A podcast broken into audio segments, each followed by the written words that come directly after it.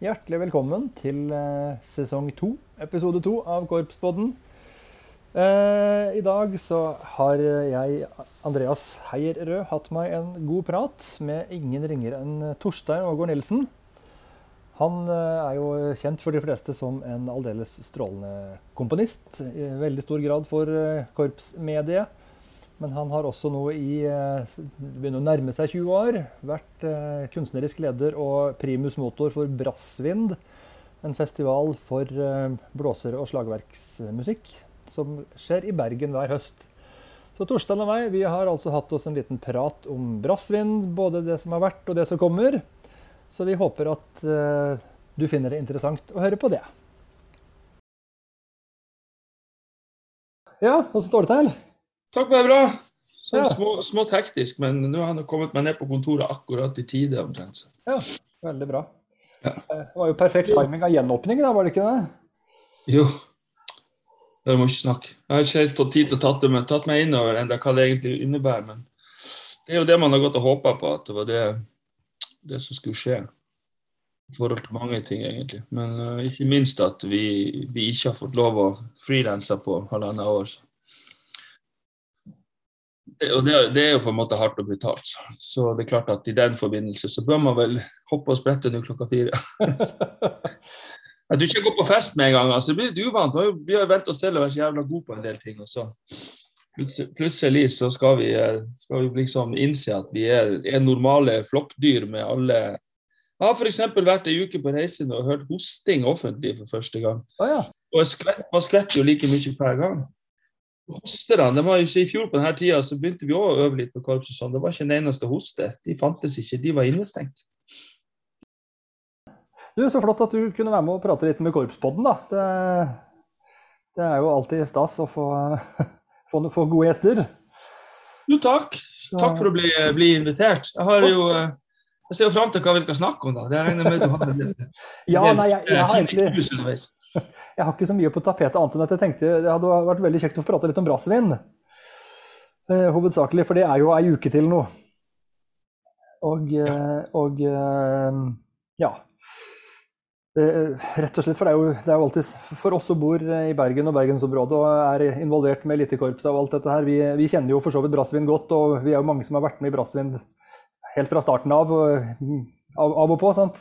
Mens eh, andre steder i landet så er det gjerne folk som ikke helt vet like godt hva på en måte, brassvin er. Sånn at, så jeg lurte på om du egentlig bare kan ja, fortelle litt om eh, bakgrunnen for brassvin når det starta opp. Det begynner å nærme seg 20 år, gjør det ikke det? Gjør det. Ja. Jo, gjerne. Altså um, Brassvin, det det er, det er jo at det er en, en weekendfestival. Uh, og for de som kjenner litt hvordan man arrangerer festivaler, så er um, fra gammelt av og fortsatt sånn at det, det krever en ganske stor del av, av den gode norske dugnadsånden inn for å få det til å, å, gå opp. altså De store festivalene i Norge, både innenfor pop og rock og klassisk, har også et sånn frivillighetsapparat. Når det gjelder, når gjelder Brassville, så er det som er spesielt, er at vi har forankra den i kanskje den delen av Norge som er best på dugnad av alle, nemlig, nemlig et korps som, som måtte leve av å gjøre dugnad. Og, og i, uh, tidlig på 2000-tallet så fikk jeg med meg det da, da sittende styret i mange musikklag på at vi, vi, kunne faktisk begynne å vurdere å gjøre festivalsatsinger. Og det skjedde rett og slett fordi jeg satt i et annet styre. Jeg satt i styret i Autonale-festivalen på den tida. Sammen med daværende styreleder og avdøde Morten Ede Pedersen. Og vi var jo da instruert fra Kulturrådet til å samslå oss med Music Factory for å lage en ny altså Av asken av de to festivalene så skulle Full Phoenix oppstå. Og det er det som i dag er Borealis. Så jeg visste jo faktisk sånn 2002-2003 så visste jeg det at det kom ikke til å bli en høstsatsing, en autonale i, som, som, tok for seg samtidsmusikk og, og partiturmusikk generelt da, i, i, Bergen. Og anså det for en mulighet både til å fylle et, et tomrom for Autonale var, var, en ukesfestival, og det skjedde masse store aktiviteter og workshops på dagtid. og, og masterclass og sånne ting, og, og flotte konserter på, på kveld. Så, så, da fikk jeg med meg styret i mange musikler på dette her, og, og siden har vi holdt på altså i månedsskiftet september-oktober med stort sett tre dagers festival der vi inviterer profesjonelle ensemble, forsøker å, å, skaffe midler til å ha proffer der, og ikke minst invitere inn amatørensemble som sammen med mange musikler holder konserter der de for så vidt òg har, som i hvert fall innspilt fra meg da, som prøver å sette sammen programmet her, på en sånn måte at det, vi f.eks. skal ikke ha arrangement. Vi trenger ikke å bli underholdt i den tradisjonelle forståelsen av begrepet. Eh, la det være originalmusikk, og la det gjerne være norsk originalmusikk. Så vi har hatt en sånn uttalt slags 50 eh, mål eh, som er helt uproblematisk å nå. Altså, det har vist seg at i dialogen med de forskjellige både amatørkorpsene og de profesjonelle ensemblene, så er, så er norske komponister hot. Altså. Så sånn har vi holdt på, bortsett fra i fjor hvor vi ikke fikk lov. Da hadde vi én satsing som vi var med og sørga for at skjedde. og Det var fordi at i 2019 så lagde jeg en avtale med en ny norsk messingkvintett som sammen med Knut Våge skulle uh, utarbeide musikk i krysningspunktet mellom akustisk musikk og elektronikk. Så de ble vårt husensemble i 2019. Og det er klart at når de da skulle ha den, den, den, første litt store konserten sammen med Knut Våge og all den elektronikken i 2020, og det var allerede investert ganske mye tid og krefter og penger i det, så fant vi ut at hvis det var mulig, og med det publikumsoppbudet som det var lov å ha, så skulle vi gå inn og, og støtte det. Så det skjedde i fjor på Julius eh, kunstarena. Eller Kulturarena heter det vel. Og så kunsthall, faktisk. Julepris er en gammel fabrikkhall der oppe, så de har, har kunstutstilling i. Ja. Uh, og så er de med selvfølgelig i år òg, som en avslutning på, på det. Så, um, så, 2020 var Jeg var der og så, men det var kanskje Jeg vet ikke hvor mange vi hadde lov å være. Da var vi 30-40 andre, kanskje. Det var jo, var jo på en tid på året hvor det var lov å ha litt folk og litt avstand og registrering i døra. Sånn. Det var liksom før den der høstsmellen kom og ingen fikk dra til Siddis. Det så, så, det var utrolig spennende. Så De avslutta jo da sitt treårige prosjekt eh, som en avslutningskonsert på årets Brassvin på søndagen. Men eh, vi skal da forsøke å stoppe på um, Lungegården kulturarena. Nå rett før det blir eh, Norsk lærerakademi, har jeg skjønt. Men eh, nå skal det iallfall skje svære ting, og det er ikke kun en ren, rene korpskonserter. Det er jo både ensemble og det som jeg sa, elektronikken i bildet og det proffer. Det, nei, det blir, det blir en tredagers. Ja, fantastisk. Nei, det er jo, um, tenker på dette med lokaler og sånn, for jeg, jeg, glemmer jo aldri gode gamle Teatergarasjen hvor dette her starta. Jeg syns det var et fantastisk kult lokale. Eh, nå finnes jo ikke den lenger, men dere har jo vært innom både det, um, på verftet, røkeriet og, og uh, i, um, universitetsaulaen og ellers litt rundt omkring. Losjen, selvfølgelig. Losjen, selvfølgelig, ja. Mm. ja. Det er jo sånn det er. Altså, Bergen har Hold deg fast, altså, men har egentlig for få produksjonslokaler for det formatet som, som samtidsmusikkmiljøet jobber i. Eh, vi, vi skulle, det nærmeste vi kommer nå, kanskje som et optimalt sted som jeg er veldig nysgjerrig på, er jo Åsane kulturhus som har passe størrelse på salen, har etter alle sigende en stor scene. Veldig lett å kjøre inn rigger bak og så få det på en måte på plass. Universitetsøland er jo et nydelig sted, men ekstremt upraktisk.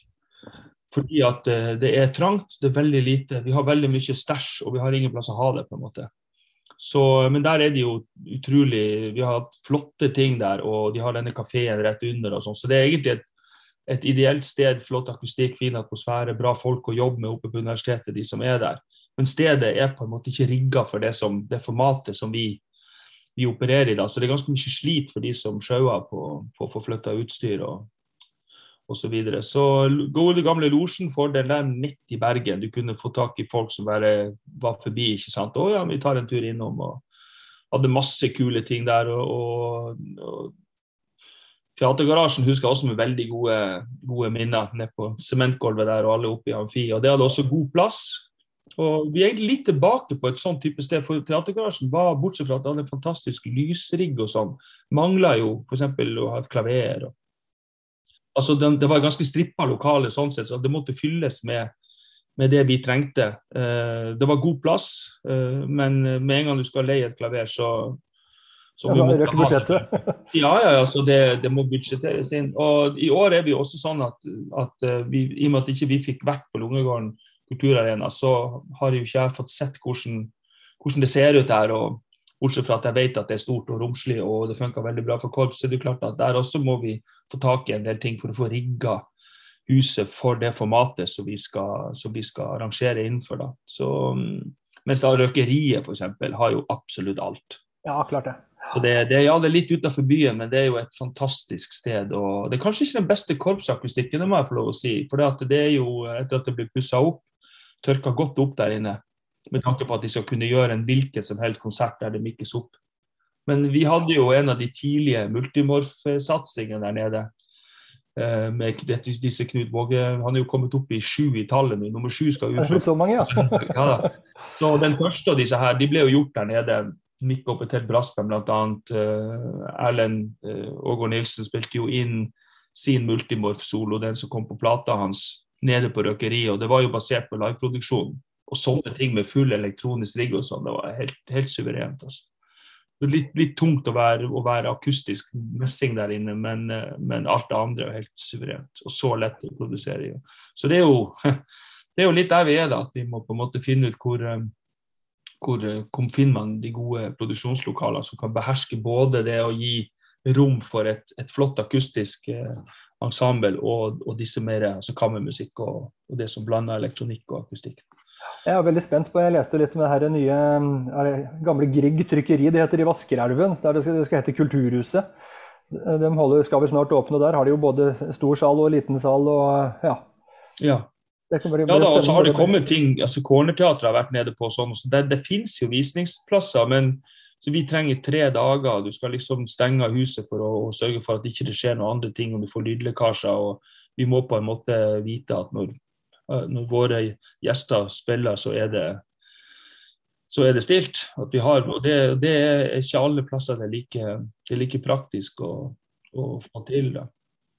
Men, men ja, det dukker jo opp plasser. og, og vi kan jo være heldige på visse produksjoner og ha noen hundre mennesker som, som vi har opplevd innimellom. Så vi, vi, må, vi, ikke, vi, må, ikke, feilberegne formatet sånn at vi plutselig ikke kan ta imot de som kommer og høre på. Selv om litt, litt luksusproblem kanskje å ha Grieghallen som vi hadde ett år.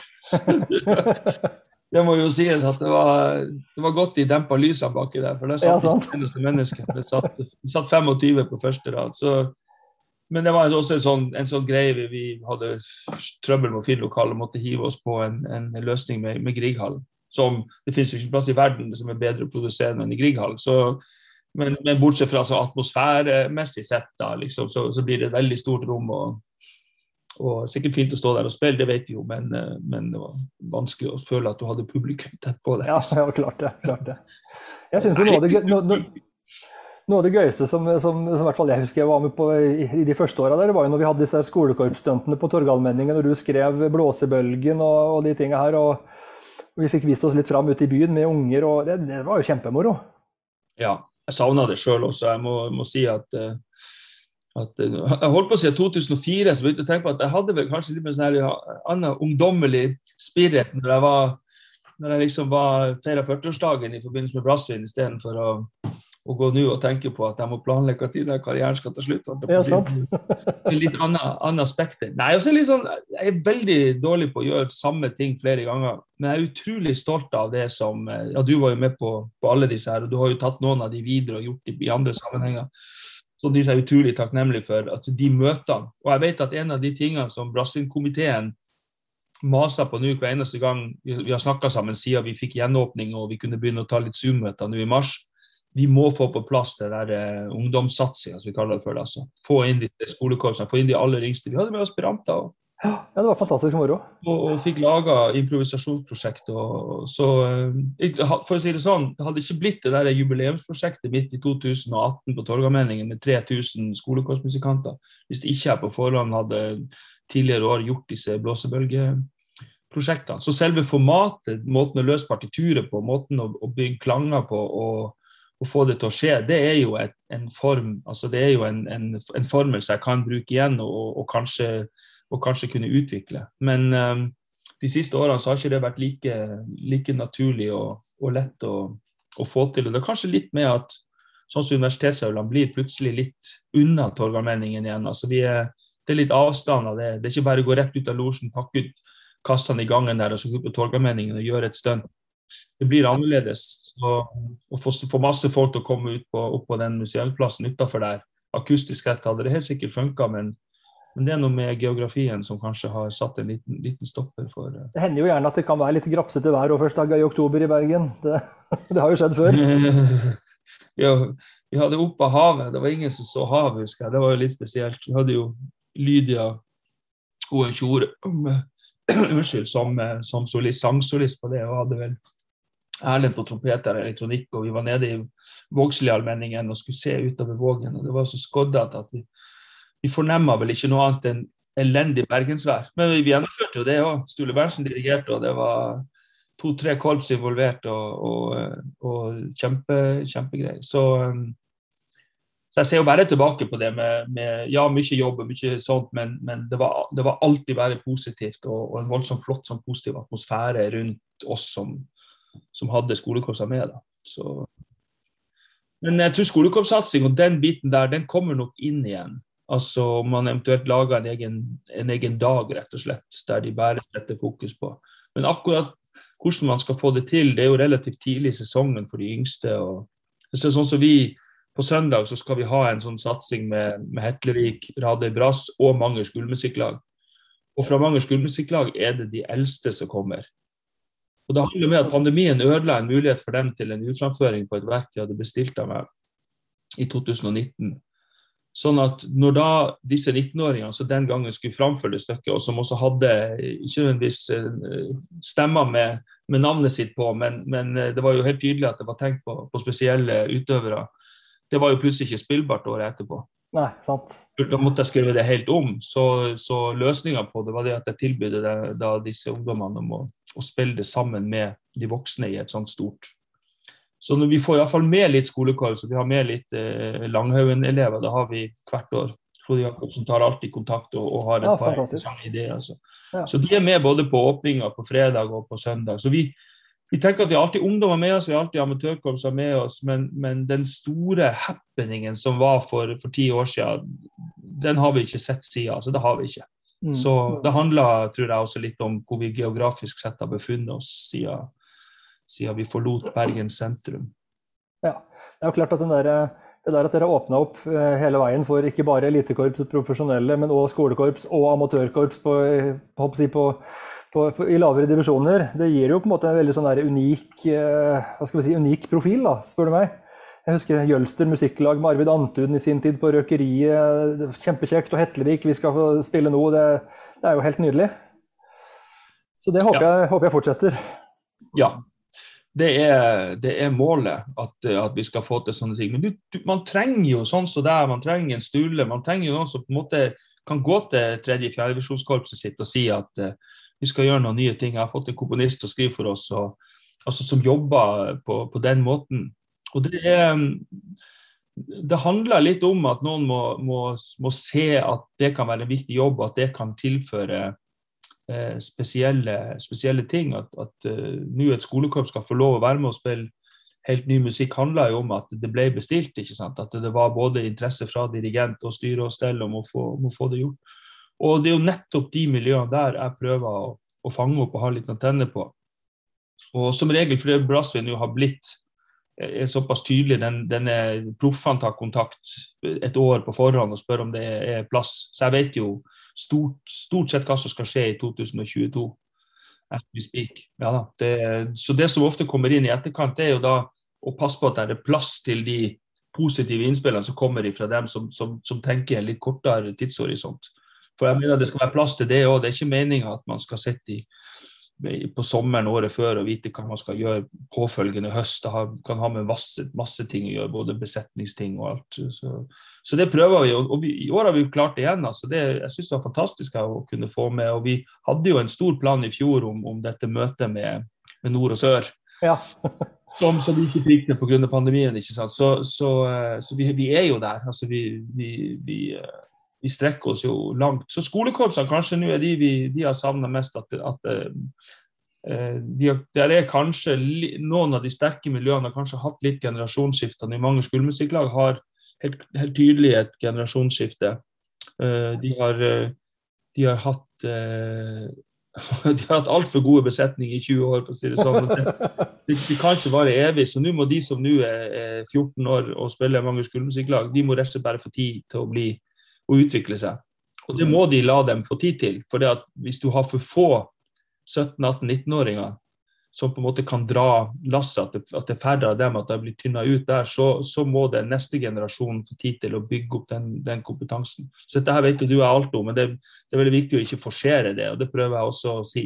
Samtidig så er det noe med å lete etter den musikken som kan være interessant og litt utafor mainstream, som fortsatt er, er spillbar. Så, de, eh, så, du kan si at en, en framføring av noe på brassfil starter oftest med en nysgjerrig dirigent.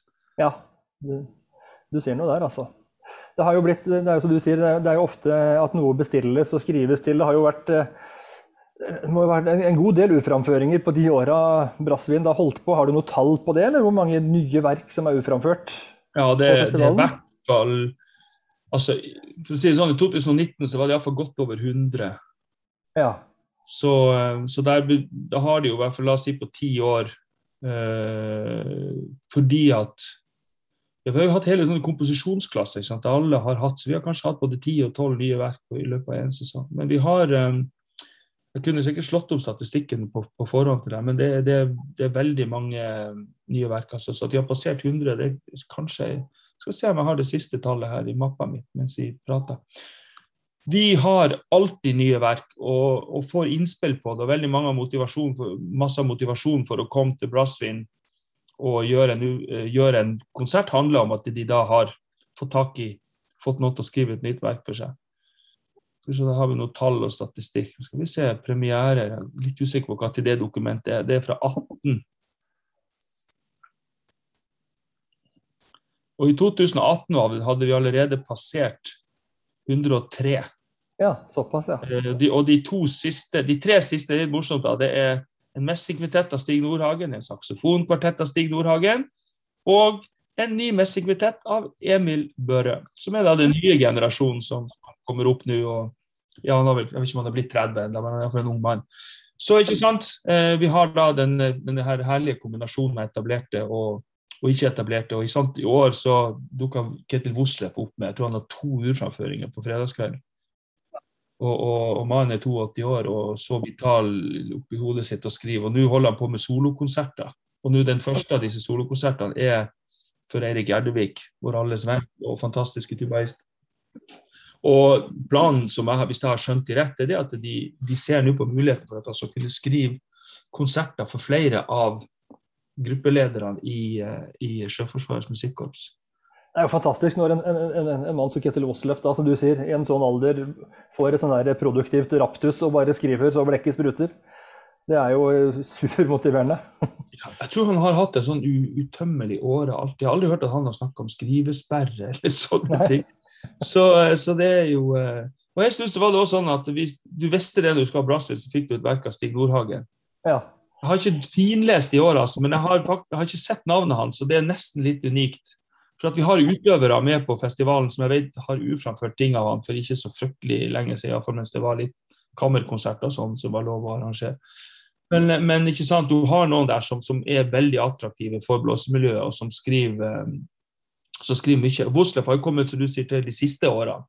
Han hadde jo ikke en korpsproduksjon før han jo plutselig fikk en bestilling fra B3. Og det er innafor de siste sju-åtte åra, tror jeg at han fikk, eh, fikk skrevet, skrevet, for dem. Og så blir Sjøforsvaret nysgjerrig, ikke sant? og så skriver han om det ene verket for dem. Det hørte vi da forrige gang vi hadde Brasil, var vel i 19. Da hadde han jo verk på som, som var instrumentert for, for, Sjøforsvaret. Og så blir de gira, vil ha mer, og bestiller et der eh, L'Homme Armé. Og så, eh, og så blir plutselig Voslev sett på som ensomme. Han skriver så spennende for blås. Så nå, jeg tror faktisk det sistnevnte verket der, 'Låm med, det tror jeg ble gjort, på, um, ble gjort i Trondheim på Janitsjar-NM allerede. Ja. Og, de, og Sjøforsvaret rukk å spille inn plate med de første verkene som han har gjort. Så den plateslippet skal være i forbindelse med konserten, så vidt jeg er bekjent. Jeg har generalprøve sjøl på Brassvin sin åpning, så jeg, jeg, jeg, må rett og slett prioritere. Jeg skal jo dirigere på festivalen. Og vi, du vet, Med amatører og skole, skole, skolefolk så må de øve om ettermiddagen. Og det er fredag, så er prøvedag, så det var ikke mulig. Så jeg skulle få, alle skulle få skikkelig prøve. Jeg husker jeg var og hørte på, det var vel oppe for noen, par, noen år siden, i, i universitetsaulaen og Sjøforsvaret, hvor de uframførte da, det stykket Ketil Woslef skrev eh, for saksofon og slagverk med René Wiik og Craig Farr, basert på oterlokking. Det var bare Jeg glemmer det aldri. Det var eh, helt strålende, altså. Ja, det var en, en litt sånn skjønn historie. for det otersignalet var jo henta fra en YouTube-video. Og, og, det er langt ifra sikkert at det er sånn oteren låter. Men på denne, på, på denne YouTube-videoen som han hadde sett, så var det sånn den hørtes ut. Så det ble motivet i, eh, i det stykket. Stemmer det? Jeg lurer på om det er et av disse jeg spilte inn, faktisk. Ja, det tror jeg på den nye plata. Jeg tror jeg kan stemme. Så, eh, nei, så det er klart at, at eh, der har vi jo også, fordi vi har Brasil som en arena Nå tror jeg nok Sjøforsvaret hadde nok innleda samarbeid uansett, men det er klart at vi har jo fått alle utfraføringene. Og det er det som gjør at lista nå eh, har, har gått godt over 100 verk. ikke sant? Og Det handler rett og slett om det at vi har klart å få Brasil til å bli en interessant arena. Den er veldig godt drevet. Ja, er, hvis du får en, en proff slagverker som kanskje kan være vant til litt av hvert når kommer på nye plasser, så vet de at de havner i de beste hender her. fordi de, de, gjør alt de kan for at alle skal være superfornøyd med den minste lille detalj på det utstyret som vi har lovt å, og skaffer dem til festivalen. Og, og vice versa gir dem tid og, og plass og, til, å, til, å, kunne volte seg. Så det er jeg veldig stolt over. For eh, festivalen var i utgangspunktet en amatør-dugnadsfestival. Og Sjøforsvaret har på en måte invitert seg inn og, og ble en sånn her, stolpe for programmet. For da visste vi hadde vi et, et superproft ensemble med, med voldsom kapasitet. Og de har gjort fantastiske ting og samarbeida med Grieg Akademiets studenter. Gjort uh, Music for Prague og Karel Husa og hatt disse disse svære verkene på. Og så samtidig så, så har vi på en måte klart å fatte interessen hos f.eks. ensemble Ernst, som reiser over fjellet på lørdag og gjør en konsert. Og de har vært der før, og vi har hatt jeg tror til og med Edvard-prisutdeling et år oppe i universitetsaula med Bjørn Tyve og Øyvind Torvund. Så, så plutselig så er det sånn at da kommer jo altså Du blir lagt merke til. Men vi er fortsatt dugnadsfestival. Og på den tida vi drev hadde f.eks. denne Edvard-prisutdelinga, så var vi fortsatt ikke inne på festivalbudsjettet til Kulturrådet. Nei. For at vi var så små at Kulturrådet hadde tatt oss ut av Så sa dere trenger ikke å søke på noe festivalstøtte, vi vil ha dere inn på prosjektstøtte. Ja, ja. Og de gir jo egentlig i forhold til andre festivaler så gir de småkroner. Jeg vet ikke om de har gitt ifra seg 100 000 i året eller noe sånt, eller i beste fall litt mer. Men jeg tror det har ligget i den størrelsesorden der. Og, og, for de småkronene så, så, klarer vi på en måte å håndtere ganske feite ting. og det, og det var sånn festivaler var i gamle dager. Det var liksom det som var min bakgrunn for Autonale-festivalen, som jeg satt i da fram til 2003, var det vel. Og vi begynte uh, Brassvin i 2004, så var også Autonale veldig mye basert på at vi, vi gjorde vår dugnad. Og, og eh, jeg tror f.eks. hvis Brassvin skulle blitt en festival av den type vi kjenner festivaler rundt omkring i dag, så måtte kanskje jeg tatt vekk det ordet at jeg, dette, dette, er hobbyen min. Og så måtte jeg sett på det som at dette var en, en del, deljobb. Man kunne kanskje begynt å søke midler om å få bygd opp en liten administrasjon. ikke sant, Hatt en produsent i 25% stilling, sånn som de gjør rundt omkring.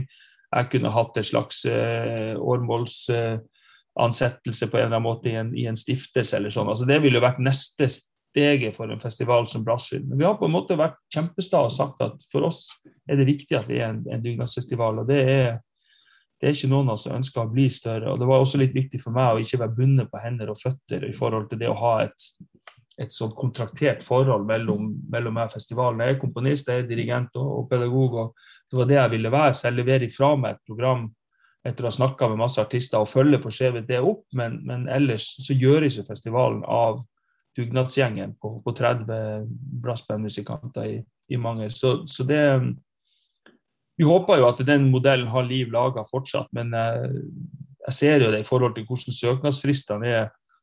Altså, årets, neste års program skulle være ferdig nå i sommer, og den tidshorisonten syns jeg alltid er komplisert. og Spesielt nå etter pandemien, hvor vi på en måte sto litt stille og vi har ikke fått møttes. og Korpset har ikke fått øvd, og da treffer ikke de hverandre på samme måte som de er vant til. Så det, har vært et, et, et, år der man har tid å tenke litt på hva, hva på en måte en sånn type dugnad innebærer, og hvordan det bør eh, Om det kan fortsatt se ut sånn, eller om, om de som bestemmer hvordan verden skal se ut, nemlig pengene, at, at Kulturrådet da på en måte tenker at nei, dette her blir eh, disse smulene her, det bruker vi på noe annet. Så, og I så fall så er det en del eh, profesjonelle artister som mister en, en, mener jeg, veldig bra arena. Altså. Ja. ja. for det er, sånn, det er liksom litt sånn si, fra hånd til munn fra år til år. Man har ikke liksom en trygghet på at man kan holde på i tre-fire år til om gangen og sånt? Nei, vi starter på scratch hvert år. Søknaden er sendt for 2022. Basert seg på et, et program som, som vi, vi, ser på som en sånn mulig ramme for hva, hvordan 2022 kan se ut når vi skrev det, så ante vi lite om lokalet. Vi har, som jeg nevnte for deg, begynt å snuse på Åsane kulturhus, og kanskje blir det der. Det, det er ikke jeg som bestemmer det. Men, men, eh, men, det er sånn vi må arbeide. Altså, vi må rett og slett prøve å bli så gode at vi denne vinteren her jobber med 2023. Eh, og, og, har et, et, ferdig program. Og det, og det altså, jeg synes, For meg så den dynamikken er på en måte, jeg syns ikke den er så interessant for min måte å jobbe på.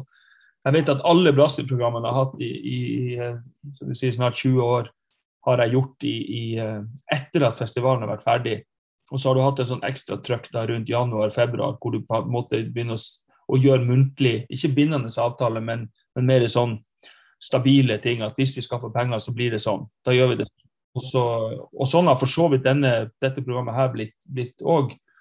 Men nå skal det være sånn at vi må på en måte begynne å søke og, og håpe så lang tid på forhånd. Da, og håpe at man kan være stor, stor nok i Eller at Kulturrådet kan være storsinna nok til å se at det er, viktig det vi, vi, holder på med. Det er viktig for, for det profesjonelle og frilansmiljøet i Norge, faktisk, når man begynner å se på hvem som kommer. Og Vi har jo ingen geografiske begrensninger, så nå hadde vi jo en uh, åpen invitasjon til et band fra Bodø. og og det er klart at jeg har prøvd å få uh, hele Arctic Sinfonietta nedover. Jeg klarte ikke alle, men jeg fikk iallfall en representant som gjorde spennende ting. Så, så, vi har jo ingen geografisk begrensning heller. Det er jo bare om man har råd å betale en Widerøe-flight, så kan vi få hvem som helst å kunne vise oss spennende ting. Men, uh, men vi er ingen festspill når det gjelder verken noe rart ting eller, så det er jo Man må liksom få til det spleiselaget da, som gjør at det, så, eh, og det har vi klart. Og vi har fått utrolig, utrolig mye bra. Stavanger har vært på besøk. Stavanger Brassband gjorde jo ting for en del, en del år siden. Tok turen oppover. og så det, det er, For, elitekorpsene er ikke tidspunktet så ille, for da har de allerede spilt en konsert eller to og, og har på en måte lyst til å, til å fortsette det trøkket tidlig i sesongen og komme i gang og gjøre spennende ting. Vi hadde jo en fantastisk konsert med, med Eikanger Bjørsvik for tre, tre år siden, 2017. Hadde de jubileum da? Det stemmer vel sikkert. Jeg burde, jeg burde jo vite det, men jeg... ja, nei, de hadde, de hadde en rund, rund, dag det året og, og, og, kom og sa at de, de kunne tenke seg å gjøre noe hos oss. Det er jo, som jeg sa i stad, så er det nettopp de der telefonene eller de mailene der som er så digg å få. altså. Så, um, så, det var så det var faktisk en, en av de jeg husker. For det at det var det er noe med å noen som på en måte bare kan det. De kan, man kan reise rundt, man kan etablere seg sjøl i et hvilket som helst rom i, i verden. Jeg er sikker på vi kunne lagd lyd på månen, altså. men det, det, det, er liksom ikke noe først. Altså, her er salen, her det er masse folk, eh, og så spiller de konsert. Og da, og da er det der, De eier på en måte bare hele rommet. Det er et, et overskudd av en annen verden.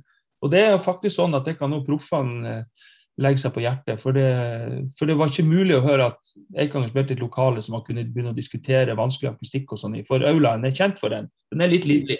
Han er veldig, Vi drar ned alt av gardiner og demper det vi kan, men den, den, er litt sprudlende, og det kan bli hardt når man skal blåse mye. Eh, det var ingen sjanse til å høre at de mistrivdes i akustikken, mens jeg har snakka med proffer som ikke har trivdes i den akustikken. Så, så det er noe med å ta, ta rommet, eie det, og så og så Nå er, det, nå er det konsert her, dette skal låte kanon, og så blir det kanon. Så det, så det har vært, vært, fine ting. Altså. Jeg husker det var mye um, I tidligere tider også så var det jo også mye spennende som kom østfra. Jeg husker Oslofjord var og gjorde en del uh, fine ting. Uframførte Ørjan Matre. Så var det vel Nanset var jo, hadde svært Christian Eggen-verk med klaver og solo, og det var jo Ja. Det er jo gøy Winch når det blir, indianer så verden. Ja Ja. da. Stemmer det. Det var Christian Eggen. Ja, to år tror jeg Lysebo kom over med, med hele Nanset, hele kostebinderiet. Det var gode, gamle Teatergarasjen. Ja, jeg, jeg må si jeg savner den. Jeg savner den, altså. Ja, nei, Teatergarasjen, den var fin. altså. Det, og den der med baren under, eh, under tribunen bak der, og du kunne rusle litt fram og tilbake. og ja, Jeg syns det var helt unik stemning der, altså. Det minte veldig om gamle Music Factory, som var før de pussa opp røkeriet. Så De første årene på røkeriet, det som var litt problematisk, var disse søylene som gikk fra gulv til tak. Denne store pipa, bl.a. Som tok litt sånn publikumsutsikt. Men, men de første årene, altså den aller første brassbyen, var jo da i den gamle fabrikkhallen, i det som, der Music Factory ble arrangert i gamle dager. Og Den hadde også litt av den der veldig sånn eh, subkultur, un underground eh, her nå skal vi gjøre noen spennende ting. Og så, så det også var et lokale som, eh, som hadde en vanvittig atmosfære. da. I for oss hadde tråkka på Ultima, nei, på, Ultima, på Music Factory i, i, siden slutten av 80-tallet ikke sant, og fått med oss masse rart. Så for meg var det veldig sånn rette plassen å ha festivalen i, i starten. Litt støvete, litt sånn forsoffen, slitt. Men eh, det var stoler, og det var mulig å, å ha folk på et lite amfi. Og så, og så var teatergarasjen litt av, bygd litt på samme måte, da, som en sånn betong, betongkloss. kan du si. Sånn. Jeg så nå har jo Bergen kommune kjøpt mer av disse, de her hallene bak eh, verftet der, og skal lage enda større og mer kulturhus der. Det kan jo Ja. bli spennende å se hva det blir av det. Ja, det kan det.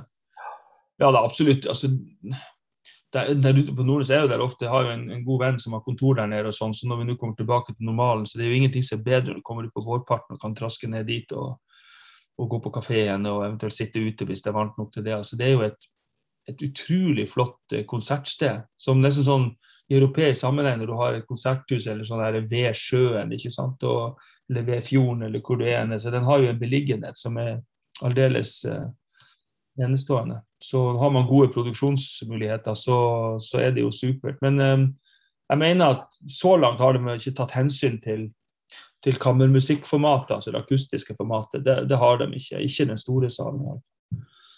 Det, det, er et, det er ikke et lett lokale for. Vi hadde Dragefjellet der et år, husker jeg, sammen med mange musikklag. og og det var først vi hadde litt mindre ensemble, de hadde litt igjen for, for rommet, på en måte. Men, eh, men de, de større ensemblene, det var, det var tørt. altså. Litt, liten atmosfære. Så derfor er det, tror jeg det blir mindre brukt av, av de beste korpsene, kanskje, enn en man kunne, kunne forvente. For, eh, så det med rocka. Mer rockescene, det, ja. Det er det. Ja, det er sant, det. Nei, Vi får bare krysse fingrene for at Kulturrådet er på lag i mange år framover. For det, det er jo ikke noe tvil om at brassvin er kommet for å bli lenge. Ja, jeg er så veldig glad for at du sier det. og jeg tenker også at ja, det, håper jeg, det håper jeg virkelig. Så får vi se, da. Så det er jo, eh, det er jo um, ingen signal fra miljøet rundt meg. Nå er jo Brassvin skilt ut som en egen eh, en stiftelse, da, men den er jo styret er jo på en måte mange musikklag. Nå har de vel en egen ansvarlig. Det er ingen signal på at ikke dette her er viktig for dem å gjøre. Og de er jo helt klart uh, grunn til at festivalen skjer. Og, og, så det som på en måte vi må, må se, og som kunne vært litt interessant Jeg har jo lekt litt med tanken på å kanskje invitere inn andre til å, til å jobbe med å sette sammen programmet. Man har jo noen sånne stolper som, som ligger klare, ikke sant? og det er ikke, noe, det er ikke spesielt vanskelig å diskutere programmet med, sånn som Sjøforsvaret, og, og for så vidt ikke mange musikker heller. Men alle disse and, alt, alt det andre som skal hentes inn, og kanskje få, få litt andre blikk på hva som kan, hva som kan presenteres, og, og hvilke komponister. Og, og, så så det, det er en tanke jeg har lekt med nå siste året, når det har vært veldig stille. og så i forhold til at når vi plutselig skal våkne opp igjen og gjøre 2021, så har jeg tenkt at OK, jeg vet hva skal skje i 2022. Jeg har ikke samme oversikten i 2023. Kanskje det hadde vært liksom tiden for å, for å invitere andre inn. og dette her begrepet kunstnerisk ansvarlig trenger ikke være Ågård Nilsen. Det Det kan være en annen som har den, den samme eh, interessen for å tenke program og har et nettverk. Og, og jeg kjenner flere. Eh, så, det, så det må jeg si den tanke jeg har, har lekt litt med, og som jeg overhodet ikke fremmer fremme for. for eierforholdet mitt til festivalen, den, det er på en måte på et sånt plan at jeg blir veldig veldig glad når det, når det skjer. Altså Det er ikke sånn at det, det skal skje på mine premisser, det skal være det og det skal være Men jeg er veldig opptatt av at, av at uh, festivalen som helhet lykkes med det de da har satt seg fore å, å framføre. Så jeg får henvendelser ut fra Europa, og det, de hadde kommet på dagen det handla kun om penger. Nå handler ting kun om penger, egentlig. for det er blitt vi er blitt kjent gjennom at vi har hatt gjestekomponister her. Vi hadde Bozjidar Spasov som bor i Tyskland og, og jobber både med tysk og sveitsisk ensemble. Og, og, og med, er opprinnelig fra Bulgaria, har jobba med de beste musikerne der. Sant? Og Det finnes fryktelig mye gode samtidsensembler rundt omkring som jobber med helt speisa besetning i forhold til kanskje den norske sinfonietta-modellen, som, som, har uh, artige blåseoppsett ikke sant? og fått folk til å skrive for seg. og så da er det liksom money talk. Så har man de pengene, så kan vi vise utrolig masse spennende i mange mange år framover. Da parer med Kanskje få flere ungdommer inn, få en sånn skolekorpsdag. kunne vært kjempemorsomt. Så jeg skal være med på en måte i den, den tenketanken der om, rundt, rundt, det de kaller for, for, skolekorpsenes dag, og høre på hva de egentlig mener med det. Og hva de tror det kan være for noe. Og så har jeg lyst til å leke med den tanken på at jeg kanskje ikke alene trenger å klekke ut program i all, i all evighet. Spennende. Det, det, tror, det har jeg litt tro på. Veldig spennende. Det er vel, det er vel på sin plass å gi en, en, en, en blomst til mange musikklag. For jeg har jo inntrykk av at det her det er jo et eh, sånn lidenskapsprosjekt for mange musikklag. Og det her er jo ikke en helg de, de, de, tjener penger på på samme måte som om de har arrangert en fotballcup eller en uh, skolekorpsfestival. Det her er vel noe de gjør fordi at de vil det, og fordi de ser på det som viktig. Har jeg Ja, jeg håper jo bare at Nå har jeg som sagt ingen hands on på verken administrative der eller hvordan økonomien løser seg, men jeg håper jo bare at der er såkalt inntekt på dugnaden til de hvert år. For det, at det er sinnssykt mange arbeidstimer som, som går med for både det crewet som jobber nå, som har sittet en måned allerede og, og laga mm, programmet og fått gjort skikkelig avtaler med alle musikerne, alle disse riderne som skal leses og diskuteres, og get in og get out. og og konserttidspunkt og reise og bo. Og, så det, det, gjøres en kjempejobb mens vi snakker. Jeg har dem, altså De har møter hele tida. Jeg er inne og leser, eller jeg er jo inne i den egne gruppa de har på Facebook som der all kommunikasjon foregår. Det er vanvittig ryddig og fint. Og, og, ja, det hadde ikke vært det hvis ikke det var fordi at de er faktisk virkelig genuint interessert i det de holder på med. Gamle koster er tilbake igjen i min tidligere festival sjef, holdt jeg på å si, som, eller min, han som gjennomførte det for noen år siden, Håvard Skutle, som jeg sjøl var dirigent for i, i, skolekorpset. Han er jo back in business nå, da, ah, selv om han ikke spiller lenger. og Ida, som har spilt i musikklag i mange år, som så vidt jeg vet ikke spiller lenger, hun er også inne her og, og drar i og drar i trådene og, og, spiller en sentral rolle for at vi klarer å få det til. For um, det ble jo sånn her, Vi visste plutselig at det gikk an. altså man vet jo I mange måneder var vi jo sånn usikre på om vi får det til i år òg. Skal vi gjøre det uansett? Og så får jeg beskjed om at vi skal gjøre det uansett. Så det, det i år hadde det blitt om så Ja. Nei, så eh, blomster dem. Helt enig med deg. Ja. ja. veldig bra. Nei, nå er jo klokka kvart på fire. Om et kvarter så åpner landet. og det Bent Høie har lovt one night stands på alle, og det er jo ikke måte på. Så vi, vi får satse på at det blir strålende tilstander på Brassin neste helg, altså. Vi, vi, satser på det. Jeg vil jo tro at vi fortsatt kommer til å merke litt av dette, at folk ønsker å ta litt, eh, litt hensyn. Og Jeg merka det da jeg var i Stavanger, jeg jobba med Stavanger Symfoniorkester denne uka her. og Det er fortsatt litt sånn albuen altså På scenen, eksempel, jeg fikk blomster sånn etter utframføringa mi, så så var det ikke sånn at hei, Før så hadde jeg alltid gått bort, og så er jeg jo en klemmer når, det, når jeg blir veldig glad. Så, så Det gjorde jeg rett og slett ikke. Altså, for jeg var litt usikker. altså vi er, Jeg hadde to dager til å gjenåpne, men du klemmer fortsatt ikke offentlig. Nå gjorde statsministeren og Høie det etter pressekonferansen. Men da skal du vite at folk er fullvaksinert og hele den pakken der. Så det er fortsatt litt sånn her uh, albu. Det var noen få spede forsøk på handshake. Og det som stressa meg da, det var hvis den som da rekte med hånda fram, i tillegg hadde rennende nese. Da var det jo å løpe bort til nærmeste dispenser. Ikke sant? Og vi er jo fortsatt der, Andreas, at, at ja, så jeg vil jo tro at uh, de har diskutert smittevern hele veien fram til senest. For at Knut Våge har en sånn videoinstallasjon som skal kjøres med, med 3D-briller. Oh, ja. mm. kommer, ikke sant? Der, ja. Men husk nå på, vi må ha noen sånne antibac-kluter, så vi vasker av dette utstyret. etter hvert så, så, så alle, Alt det der er jo, er jo, gått igjennom. og Jeg tipper at noen, noen av de tingene kommer til å, til å være der. At vi bare tar det litt sånn rolig. Alle vil til Siddis, Andreas. Brassvin eller ikke, men alle vil til Siddis, og alle har lyst til å holde seg frisk. Og nå hører jeg rykter om stadig flere småsjuke her, småsjuke jeg hører fra korsprøvene, Ja, nå er det host og hark, og nå har jeg blitt dårlig. Ungene kommer hjem fra skolen, har med seg forkjølelsesvirus. Jeg fikk det sjøl fra et barnebarn tidligere i sommer. ikke sant, og var slått ut i tre uker. Jeg har ikke vært forkjøla på fire år, og plutselig var det bare bang. Jeg måtte avlyse absolutt alt i fire i, i tre uker. Så, så det, kom, jo òg nå. så, ja, så jeg tenkte at Brasil trengs å bli en smittearena. Det er vel, det må vi kan. Men det skal være skjenking der oppe, har jeg hørt. Ja. Vil få kjøpt seg et glass, og, og kanskje skaper de helt super atmosfære nå rett før uh, den arenaen ikke er mer. Så ja, ikke sant? Jeg gleder, meg, jeg gleder meg veldig. Skal ha to hele dager der oppe. Det, det blir supert. Har vært, du har vært gjennom flere av de tingene som skjer på Brazzaville nå til den, nå neste helg. Er det, andre ting, er det andre konserter vi ikke har snakka om på den festivalen som vi har glemt, som er viktig å nevne?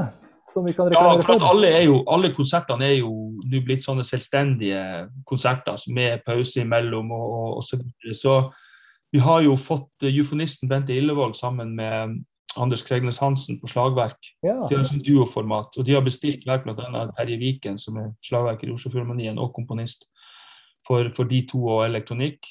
Eh, så det er klart at det, det skjer jo, det, Dette her med å ha kammermusikk har vi veldig opptatt av. For det at amatørene skal også høre utøvernivået som finnes på den profesjonelle verden, og det ser du ofte lettere i, i, med det færre instrumenter involvert. Jeg nevnte Ensemble Ernst skal ha en hel konsert.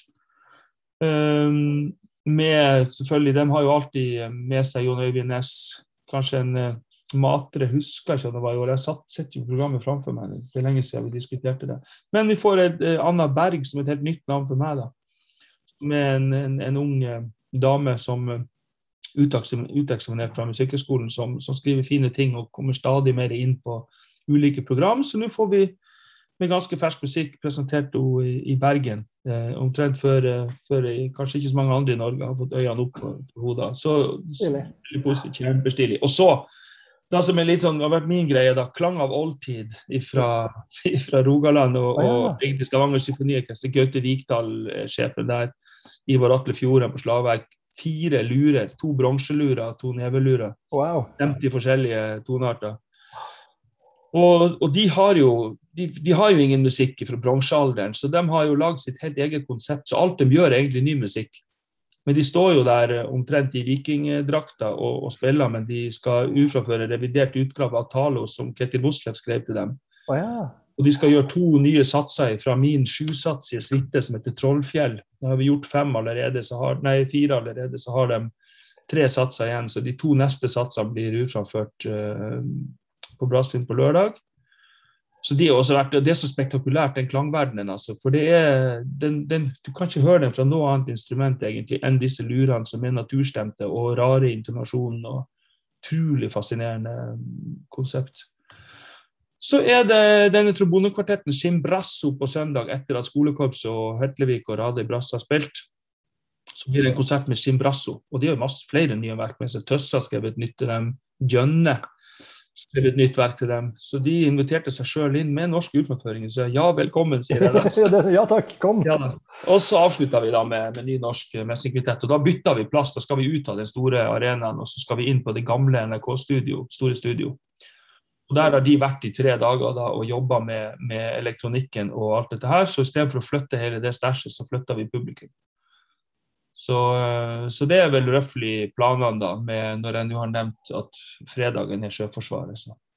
Vi hadde jo, hadde jo forrige episoden av Korpspodden, så var jo Maria Molund gjest.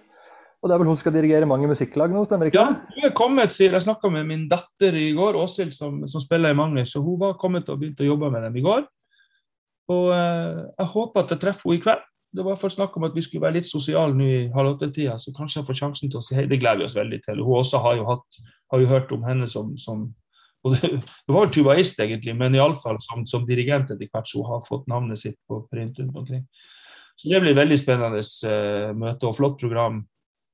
Ja, fine ting de, de vil ha inn. Så, um, så det er òg en ting, da, disse her som har, som har dirigenter. Da, som, uh, vi får jo Thomas Riemel tilbake, som er en sånn evig ung uh, entusiast for, for samtidsmusikken og, og, alltid har stivna på en måte ikke i, noe som helst. Han, han, ser jo alltid etter nye, nye stemmer og nye navn, som Ernst kan bringe fram. Så, så det blir veldig kjekt. Og så tror jeg faktisk det er gode, gamle Peter Silva som kommer på fredag. Ja, fantastisk. Selv om det er Inga, Ingar Bergby som har spilt i plata med Sjøforsvaret, så tror jeg det er Peter som må ta konserten ut ifra tids, tidsplanen til disse dirigentene. Ja. Så, um, så, og Ny Norsk Mesterkvintet jobber uten dirigent. Og på den uh, korpskonserten så har jeg vel nevnt Sturle Berntsen allerede fra Hetlevik. Og så skal både undertegnede og Torgeir Tunesnes dirigere da på, på den, den, første delen av konserten. Akkurat. Fordi at jeg syns det var riktig at mange skolemusikklag sin faste dirigent som bestilte verket, får lov å dirigere Fusion. Det skal utfraføres. Så da skal jeg sette meg ned med en kornett. Kommer ikke til å få lyd, men jeg skal late sånn. ja, du vet at uh, faking, det funker det òg, vet du. Det, har blitt gjort før. Jeg spørs hvor de putter meg nå, da. Nei, jeg har lovt å være med på en gruppeøvelse nå. Nå skal jeg spille flygelord, så da får jeg begynt å øve i dag. Så da kanskje det, kanskje det blir bra på ei uke.